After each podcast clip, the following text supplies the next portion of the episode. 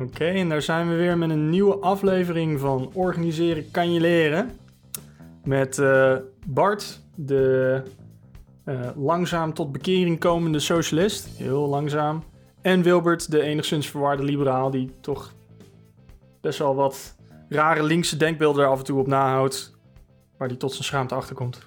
Maar goed, daarom drinken we ook bier tijdens Wil. deze podcast.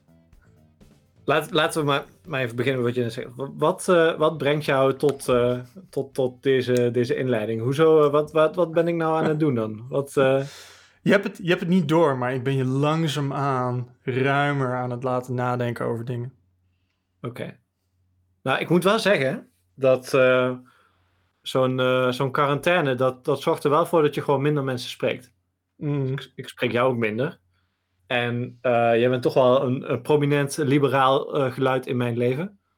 Je kunt je wel voorstellen dat ik dat toch eh, voor de rest niet zoveel tegenkom. Mm. In Nijmegen heb je wel wat mensen die bij de VVD zitten, maar zelfs die hebben lang haar. Dus, dus dat valt allemaal wel mee hier. Ehm, dus, dus ik waardeer het altijd wel even om, om al mijn, mijn gedachten en ideeën aan jou voor te leggen en dan vervolgens helemaal niks mee te doen. Eh, dus dat, eh, dat leek me ook wel weer goed om vandaag, eh, vandaag weer te doen. Klopt, en, en dat, dat is ook een beetje gelijk voor, de, voor de mensen die er net mee beginnen. Ehm, eh, misschien ook wel leuk om op te halen. Dat is een beetje ook de, de origine van onze bieravonden. Nou ja, Eh. vroeger hè, dus in een tijd dat je nog naar cafés kon, Mm. eh, deden wij dat ook wel vaak. Wij gingen naar cafés en dan dronken we bier en dan zaten we op minder dan anderhalve meter afstand van elkaar gewoon te praten over, nou ja, eventueel over het leven, maar toch vooral over gewoon eh, hoe we de wereld eh, gingen veranderen. En, het, en het is gewoon heel plezant om even, eh, voor mij in ieder geval, en ik denk voor jou hetzelfde, om, ehm, om toch even uit je ideologische bubbel te stappen. Of je echokamer. En weet je, een gesprek hebben waarin het niet noodzakelijk ermee hoeft te eindigen dat je het eens bent met elkaar. Maar je wel gewoon eh, respectvol en vriendelijk naar elkaar luistert. En ehm, ja, daarmee je wereld gewoon wat, wat, wat, wat groter maakt. Ja, en vooral wat, zeg maar, hoewel wij toch wel vaak van, van, van mening verschillen, en ook wel vaak het eens zijn, hoor, moet ook allemaal niet overdrijven, eh, is het nooit echt een gevecht. Het is meer gewoon de vraag van, oké, wat denk jij er dan van? En wat, wat kan ik daar vervolgens mee? Dus eh, in dat eh, opzicht ehm, wilde ik ook het volgende onderwerp gaan bespreken. Maar eerst... ik, ik schrik even van hoe hard eh, mijn, mijn nieuwe microfoon dit naar, naar voren ja, bij jou de huiskamer in, in de, blaast. de bier intro. Ehm, Eh, ja, de bier intro, Bart. ja, wat is, jouw, wat is jouw bier? Nou, dit gaat wat raar klinken, aangezien voor de luisteraars er een week tussen deze aflevering en de vorige aflevering zat. Maar wij, nemen, eh, wij hebben deze aflevering direct naar de vorige opgenomen. Ehm, Ja, het, is trouwens, het is 15 mei nu. Dat is ook wel belangrijk voor, voor het onderwerp wat ik wil bespreken. ja. Ehm, en ja, en mijn, mijn Schneiderwijze eh, was, een, was een hele grote fles. Eh, dus ik ben nu aan de tweede helft van mijn Schneiderwijze bezig. Oh, ja. Oké, nou ja, weet je, als hij op is halverwege, dan is het ook wel weer Voor duidelijk. aflevering 3 heb ik straks weer een nieuw biertje staan. Oh, Oké, oké. Ehm, Oké. Nou, dan eh, zal ik dan maar gewoon even vertellen wat ik, eh, wat ik te drinken heb. Ik, heb Ja? ik had jou net al even een soort van preview gegeven. Ik zal hem hier ook even nog in de camera houden. En ik ga hem even gewoon voorlezen wat het is. Het is een tiramisu twin van eh, de Moersleutel. Ehm, een dubbel tiramisu pastry stout van 10%. Met, eh, ja, wat zit er allemaal in? Eh cacao nips, vage suiker, dark rum en yeast en vanille, koffie, van alles. Ehm, en het is een blikje, dus eh, bijna een halve liter. Dat is ook wel, wel groot. Dus daar kan ik ook wel twee afleveringen mee, vol, volhouden. En kijk, de moersleutel, die hebben, die hebben allemaal heerlijke, heerlijke biertjes. Maar het is wel een beetje hit en miss. Dus de ene keer is het is super lekker. En de andere keer denk je echt van, van, van welke zoete stroop. Wie heeft dit bedacht? wat en, en wat is hoezo? deze? Ja, en, eh, maar meestal zitten die in de testding. En hier hebben ze zowaar een soort van, ja, wat is het? Een drankmonster-achtige achter omhul, achtig omhulsel gemaakt voor het blik. Dus, eh, dus ik hoop dat het lekker is. Hoop gaan ook. het meemaken. Kijk, en dit is dus wat, dat is wel weer het voordeel van dat wij op verschillende locaties zitten. Dat wij ook elk ons eigen bier uitkiezen. dus dus ik, ik, ik hoef die IPA's van jou niet te drinken. En ik kan gewoon, gewoon, Hater. gewoon nou niet los van de haten. Ik kan ook gewoon straffeloos mijn stoutjes eh, meenemen. Dus dat is, eh, dat waardeer ik ook wel. Nou, dat ik, heb Verder, hier, verder mis ik je natuurlijk ook wel gewoon hoor. Ja, ook. ik heb hier nog steeds een lekker rookbier voor je liggen. Oh, dat is echt niet, niet oké. Oh. Als jij die straks gaat drinken, dan, dan nou ja. Nee, nee, nee. Ik ga, ik ga straks... ehm, God, wat heb ik nog in de aanslag liggen? Ik heb nog een Saison en een eh, Malheur 6. Hm. Dus Oké. ik, eh, ik ga zo even kijken wat ik, wat ik ga doen. Maar allereerst proost. Proost. Nou, we zijn nog Mm. steeds op afstand met elkaar aan het drinken. Oh, dat is lekker. Mooi? Goed biertje. Jij zit lekker achter je bureau daar. Ik, eh, ja. ik sta. Ik heb, over, ik heb zo'n zo'n zo'n verstelbaar bureau gekocht een, eh, een tijdje terug. ja. Eh, dus ik moet zeggen, dat, dat werd best wel lekker. Ik zat het ook te overwegen. Ehm, ik heb namelijk ook zo'n bureau. Wel, ik, weet niet, ik neem aan dat jij, jij zult wel de luxe variant hebben met zo'n elektrische... ja, ja, goed, bedrijfsuitgaven. Hè? Ja, precies. ik heb die op kantoor ook, hoewel die altijd stuk is. Eh, maar thuis eh, moet ik eh, slingeren. Dus dat is, dan sta je toch een, een minuut lang sta je zo je bureau omhoog te sjorren. En dan, dan heb ik ook nog eens een lamp die daar vlak boven hangt. Dus dat is ook nog, nog, nog ingewikkeld. Eh, het schijnt wel goed te zijn voor podcast, hè? om te staan dat je ge- stemgeluid beter is. Ja. Eh, maar het is ook gewoon vrijdag en ik ben moe. Dus ik vind het ook wat chill om, om, om lekker te zitten. Op Ja, een, eh, een kraakstoel die ook wel regelmatig de, de, de aflevering in zal sneaken. hey, maar zal ik even mijn onderwerp introduceren? Ja, ja, waar wil je het over hebben deze week? Ehm, nou ja, ja, dus eigenlijk niet deze week, maar vorige week. Want, want waarschijnlijk eh, komt deze dus een week eh, later dan, eh, dan aflevering 1 uit. Voor je het weet is dat alweer twee weken later. Ehm, we zitten in een crisis. En ik heb zojuist in de vorige aflevering gezegd dat het niet zo interessant leek om het om over die crisis te hebben. Maar goed, hè, eh, waarom zouden we consequent zijn? Als we dat ook niet kunnen zijn. Ehm, dus het leek me toch wel goed om het heel even over die crisis te hebben. En dan met name over de vraag van, joh, hoe ga je nou bedrijven steunen? Dus vlak, vlak na de start van, van de crisis en het moment dat duidelijk werd dat heel veel bedrijven het heel moeilijk eh, kregen, is er eigenlijk best wel veel steun gekomen. En een van de belangrijkste manieren waarop die steun eh, vorm eh, heeft gekregen, is een soort van, van omzetsteun, eh, met name op de personeelskosten. Dus, dus eh, kun je aantonen dat jij 20% omzetverlies hebt, dan kun je tot 90% van je eh, personeelskosten terugkrijgen. En die regeling is vrij, vrij eenvoudig ingevoerd. Als in er is veel gewerkt op basis van vertrouwen. er is een soort van voorschot gegeven. Er was een beetje haast. Ja, en, en terecht. Hè? Ik bedoel, het is op zo'n moment ook belangrijker om, om, om iets te doen dan om het helemaal goed te doen. Want voor je het weet, dan duurt het weer veel te lang. En, en dat, dat soort eh, tijd heb je op dat moment niet. Eh, en ook de komende tijd moet dan weer blijken wat voor een uitvoeringscapaciteit er is. Om eh, eventuele voorwaarden wel door te voeren. Ehm, maar de vraag is wat je de komende tijd zou moeten doen. En er zijn eigenlijk twee manieren waarop je op dit moment, grofweg twee manieren waarop je steun kunt geven. En manier één is dat je gaat kijken van hoe kunnen we bepaalde bedrijven redden of, of bepaalde bedrijven steunen. eh, of in ieder geval zorgen dat, dat er niet een spontane massa eh, werkloosheid ontstaat. Mhm. Dat is manier één. Ehm, en manier twee is eh, accepteren dat er een bepaalde mate van werkloosheid ontstaat. En vervolgens de mensen die daarin vervallen ondersteunen met bijvoorbeeld een, een betere uitkering. Of, eh, Basisinkomen. of bijvoorbeeld een basisinkomen. Hoewel basisinkomen nou juist iets is wat volgens mij niet alleen maar naar mensen zou moeten gaan. Als ik het begrijp hoe het werkt, die Nee. eh, ontslagen zijn, maar juist ook aan mensen die werken. Gewoon naar iedereen. Ehm, ja, maar dat is in ieder geval, maar dat is, nou ja, in die, in die zin valt het wel onder categorie 2, die ik maar even zal noemen, Hmm. eh, direct naar de mens. Eh, dus één is, is het ondersteunen van bedrijven, twee is het ondersteunen van, van de mensen. Mhm. Ehm, en er is in Nederland toch wel enige consensus om voor optie 1 te gaan. En dat zie je eigenlijk van links tot, tot rechts, dat, dat iedereen dat wel, wel als, als, als acceptabel ziet. Uh, er komt nou steeds meer op van moet je naar bepaalde voorwaarden aan stellen. Ja. Ehm, maar je werkt ook met een mate van onzekerheid. Je weet gewoon niet hoe lang deze crisis gaat duren. Je weet niet wat de wereld, hoe, hoe de wereld vorm gaat krijgen na die crisis. Um, dus er is een gevaar bij het ondersteunen van bedrijven. Uh, dat je een hele hoop bedrijven overeind houdt die uiteindelijk geen toekomst hebben in die nieuwe wereld. Of die misschien ook al daarvoor wel een twijfelachtig toekomstbestaan hadden. Ja. Um, ja, ik... Versus die, die, tweede manier, die veel meer gericht is op, op, op de mens.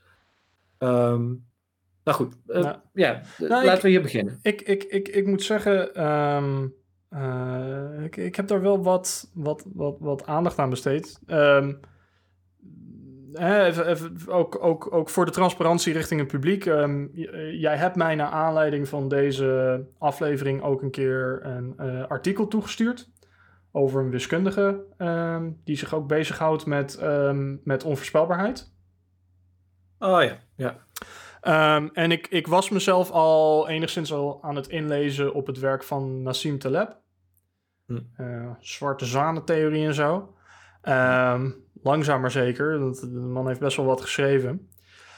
En uh, beide, beide gaan er eigenlijk over van, van joh, de meeste bedrijven die, die draaien alsof alles altijd hetzelfde gaat blijven. Hm. Ja. En ik heb daar twee, twee hele interessante voorbeelden van, van bedrijven waar, waar, waar ik zelf mee omga. Nou, de, de eerste is mijn voormalig werkgever. Um, die, uh, dat was een consultancybedrijf en die, die waren altijd eigenlijk drie maanden van faillissement af. Hm. Um, en dat, dat, dat is eigenlijk heel erg het standaard businessmodel daar. Hm. het, is, het is continu groeien, continu investeren. Als er geld over is, een nieuwe mensen aannemen. Als er nieuwe mensen zijn, nieuwe klanten benaderen. Nou, ze doen. En dat is best wel, dat is best wel een rat race. Want er wordt dus continu gelet op maken we voldoende uren, et cetera, et cetera.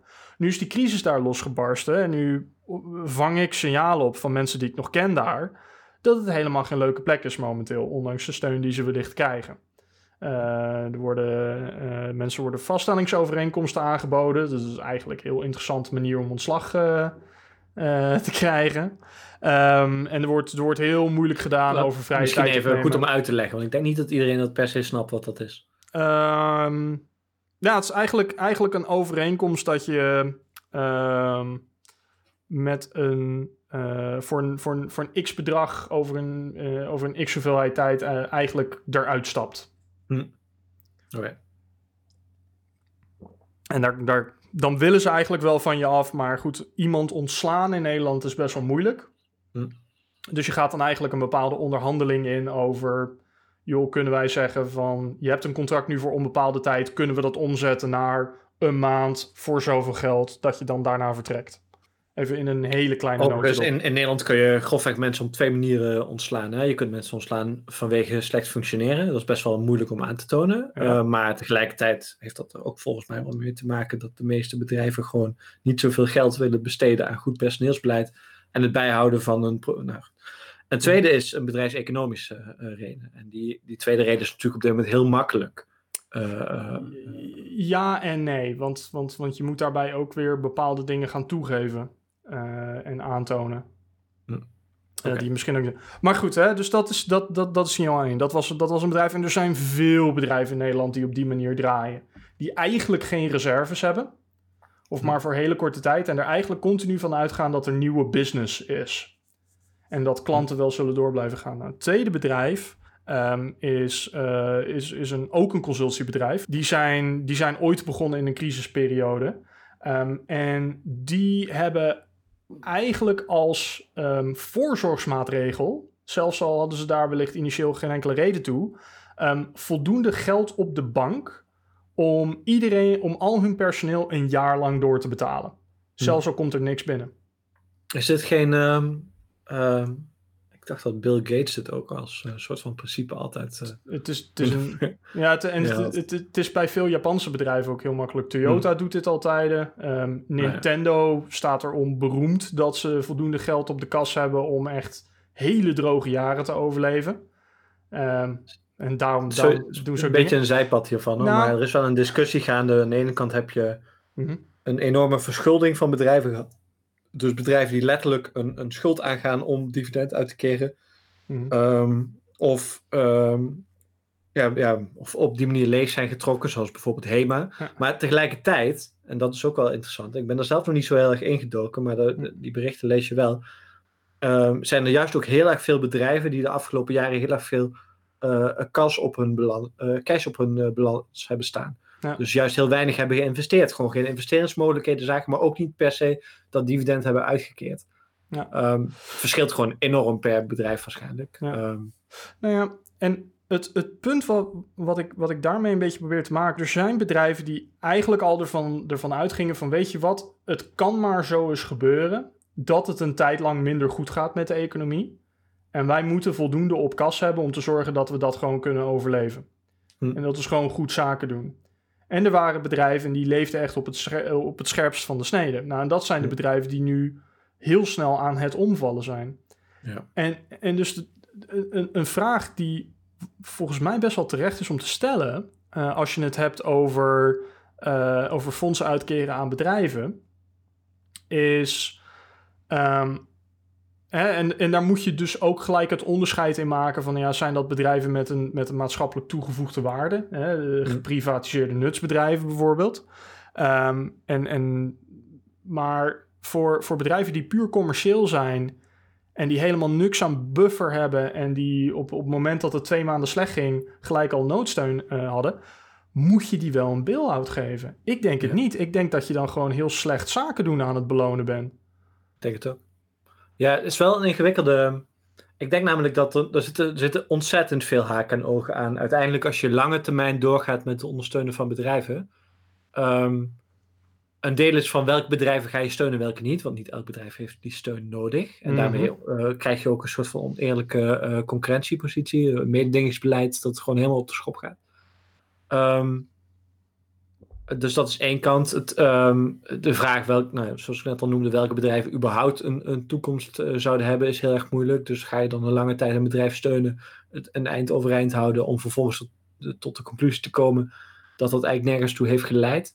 We, zien het, we hebben het bij de banken gezien, hè? Ja, ja, goed voor. Dat is ook nog wel interessant. Ik denk maar dat je deze week het nieuws ook wel hebt gezien dat, eh, dat, dat eh, Eden meer waard is dan ING en ABN bij elkaar. Eh, nee. Ja, dat is nu de situatie. Dat is eigenlijk idioot. Maar het, is tegelijkertijd niet per se heel erg verrassend. Maar dat wordt alleen maar, groter. Ehm, nou ja, goed. Er zijn, er zijn, zijn ontzettend veel redenen om, om af te stappen van het idee dat je die bedrijven overeind moet houden. Ik vind het ook nog wel een interessante vraag.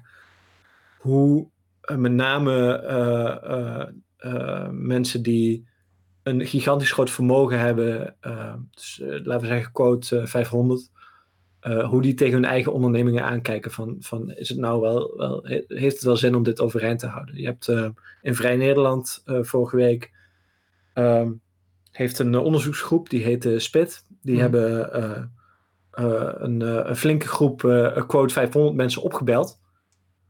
met de vraag van, joh, hebben jullie steun aangevraagd en, eh, eh, en- hoe eh, zijn jullie bereid om met je eigen vermogen het bedrijf overeind te houden? En die, het grote deel zegt natuurlijk van eh, eh, eh, we proberen iedereen te redden. Ga je dat met eigen geld doen? Ja, daar geven we liever geen antwoord op, want het antwoord is nee.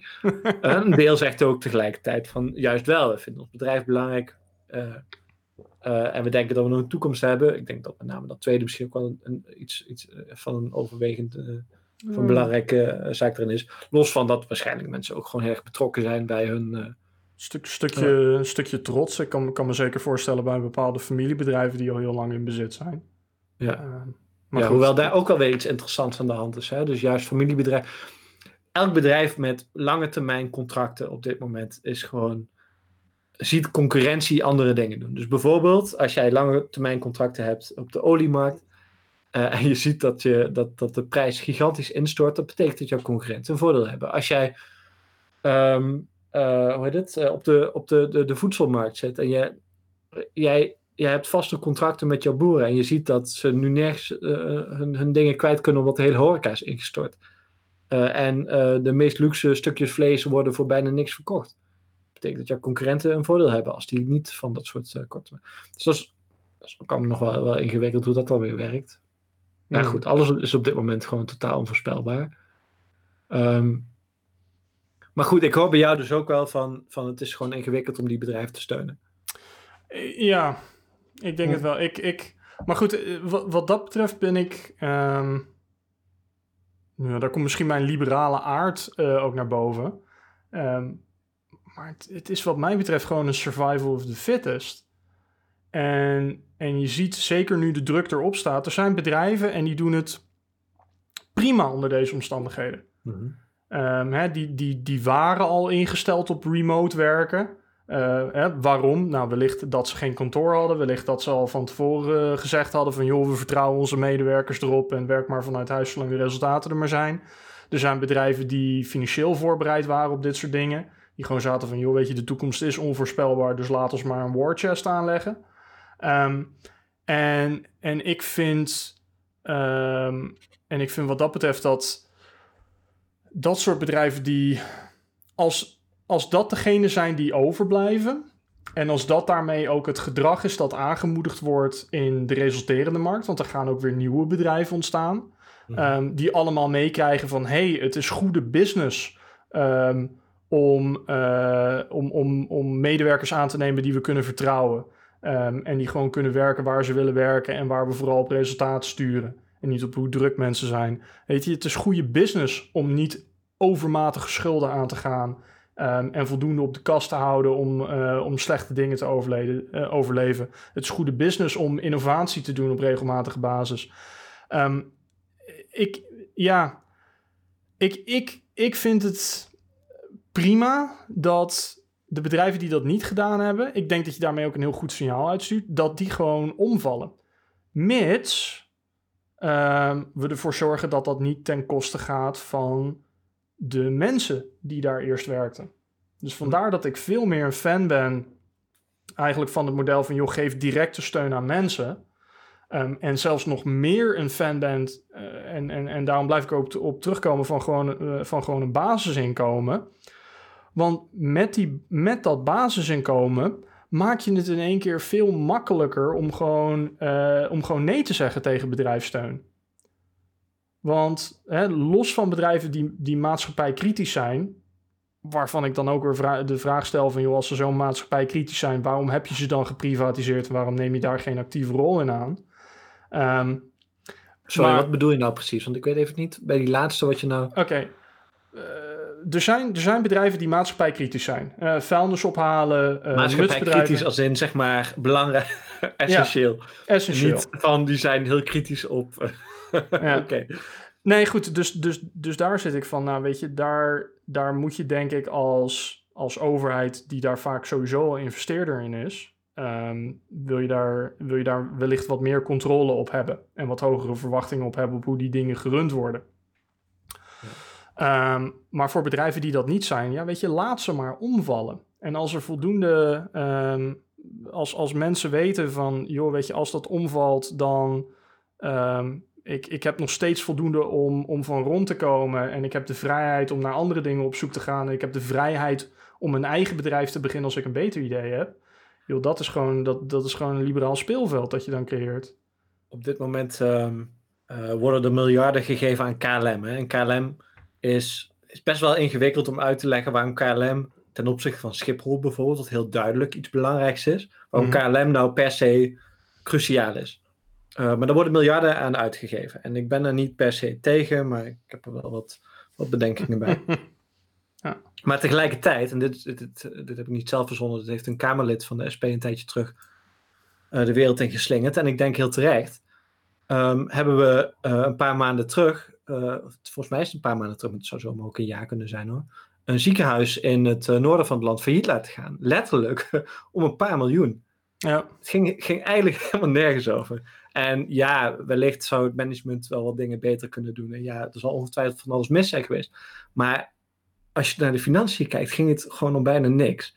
Mm. Um, en het is heel makkelijk om in deze tijd waarin er zoveel duidelijk gebeurt, te zeggen van hoe moeten we dat dan vergelijken. En in, die zin is de vergelijking misschien een beetje flauw, maar de essentie blijft van het is toch wel heel duidelijk bij dat ziekenhuis wat de functie was van de maatschappij.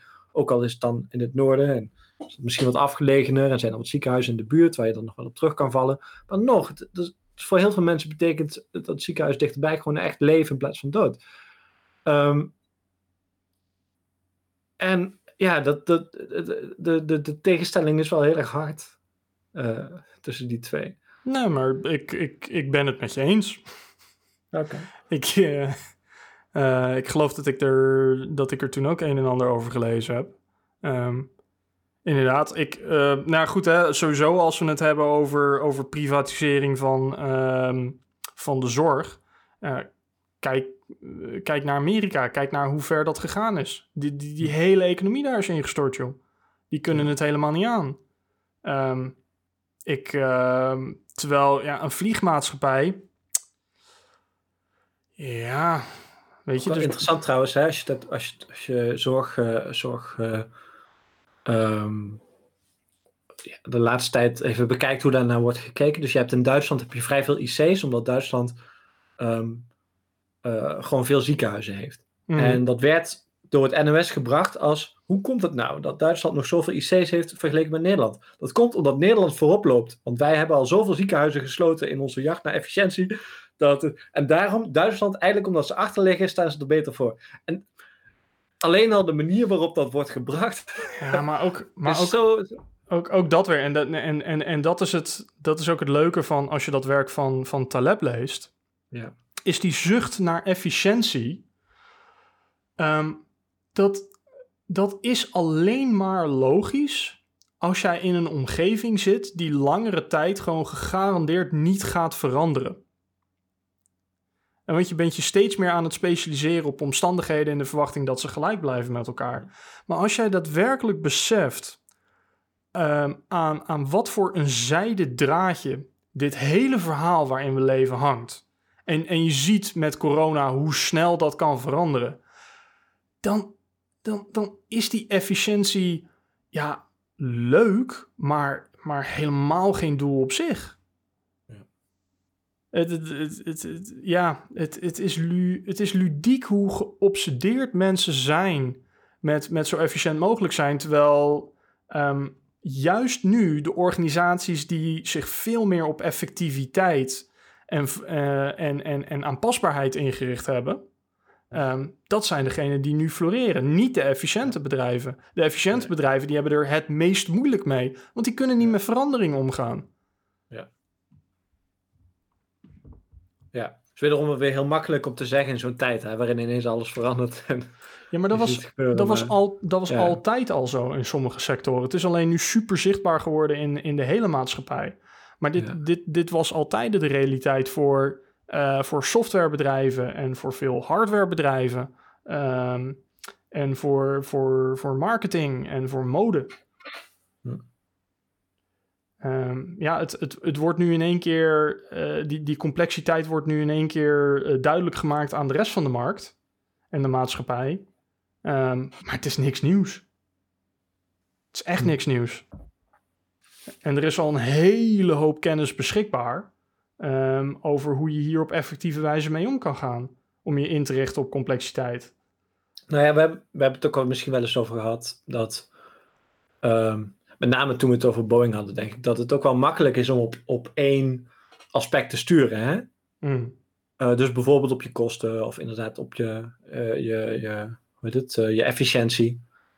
het is, is, eigenlijk uiteindelijk maar één, ehm, één getal, de kostprijs of de doorlooptijd, waar je naar hoeft te kijken. En voor de rest hoef je je nergens zorgen om te maken. En je kunt, kunt allerlei theorieën eroverheen gooien en reorganisaties om het allemaal net weer iets beter te doen. Um, ja. ja, tot het allemaal alles in één keer helemaal verandert. Ja, ja en, dat, en dat, dat, dat, dat, is het, dat is het linken wanneer je dat ene dingetje gevonden hebt. En de, de meeste, wanneer je klanten helpt bij het inrichten van, van, van, van nieuwe bedrijfssturing en dergelijke, het eerste wat we doen is veel meer een collectie neerzetten van dingen waarvan we zeggen van joh, het is, het is interessant om naar dit soort dingen te, te kijken. Ehm, en, en waar je vooral op moet letten is, ehm, is dat je hier niet direct op gaat sturen en probeert een balans hierop te houden.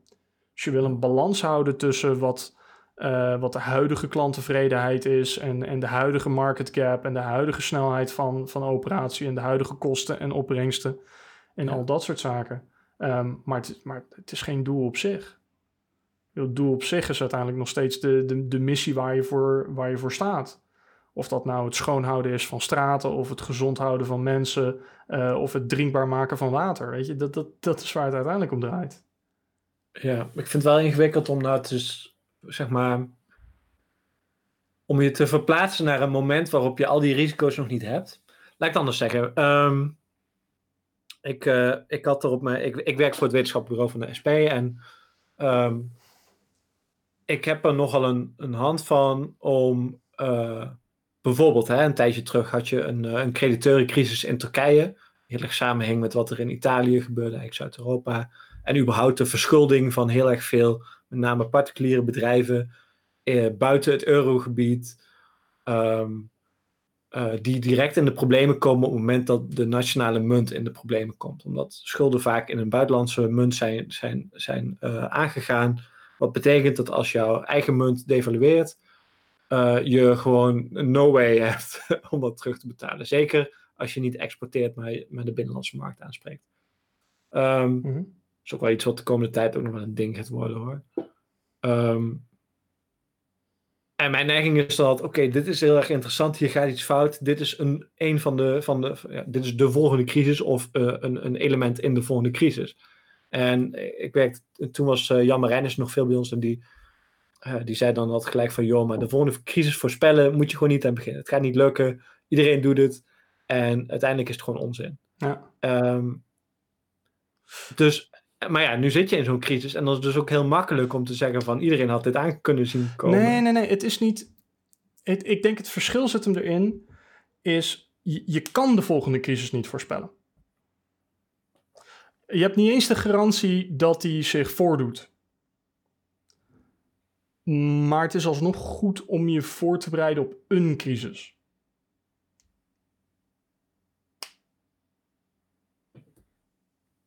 En dat is denk ik het verschil. Wat, wat we nu zien is veel organisaties en veel maatschappijen, uh, sterker nog, waren, waren gewoon niet voorbereid op een crisis. Punt.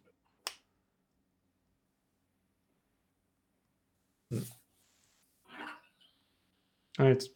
Bart, we zitten weer uh, aan het einde van onze timebox. Zo, oké. Okay. Hoe, was je, hoe was je twins? Hey, uh, ik ben hal halverwege het is, uh, het is zeer smakelijk. Het is wel echt een suikerbiertje, maar goed, uh, wat verwacht je van een tiramisu? Uh, tiramisu. Dus, het is, het is maar ik ben heel tevreden. Ik ben, zoals ik al zei, het is altijd hit, of, hit of miss. En dit is zeker geen mis. Het is gewoon goed. het is een interessant Lekker. concept voor een biertje. Um, ja, mijn mening over de Schneiderwijze um, is grotendeels onveranderd. Hij drinkt wel heel lekker weg, moet ik zeggen. Hm. Het is, als, als er nog terrassen waren uh, bij bars om biertjes op te drinken samen, had ik deze graag met jou samen gedronken. Hm. Zeker nu het weer wat zonniger begint te worden. Het wordt alweer lekkerder. Ja, precies. Hey Bart, tot de volgende keer hè? Hey, uh, we gaan elkaar spreken. Yes.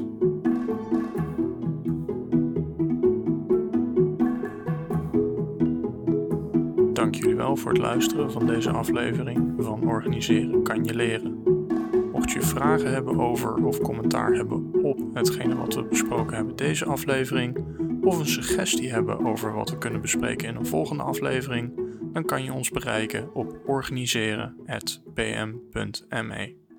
Dank jullie wel en tot de volgende.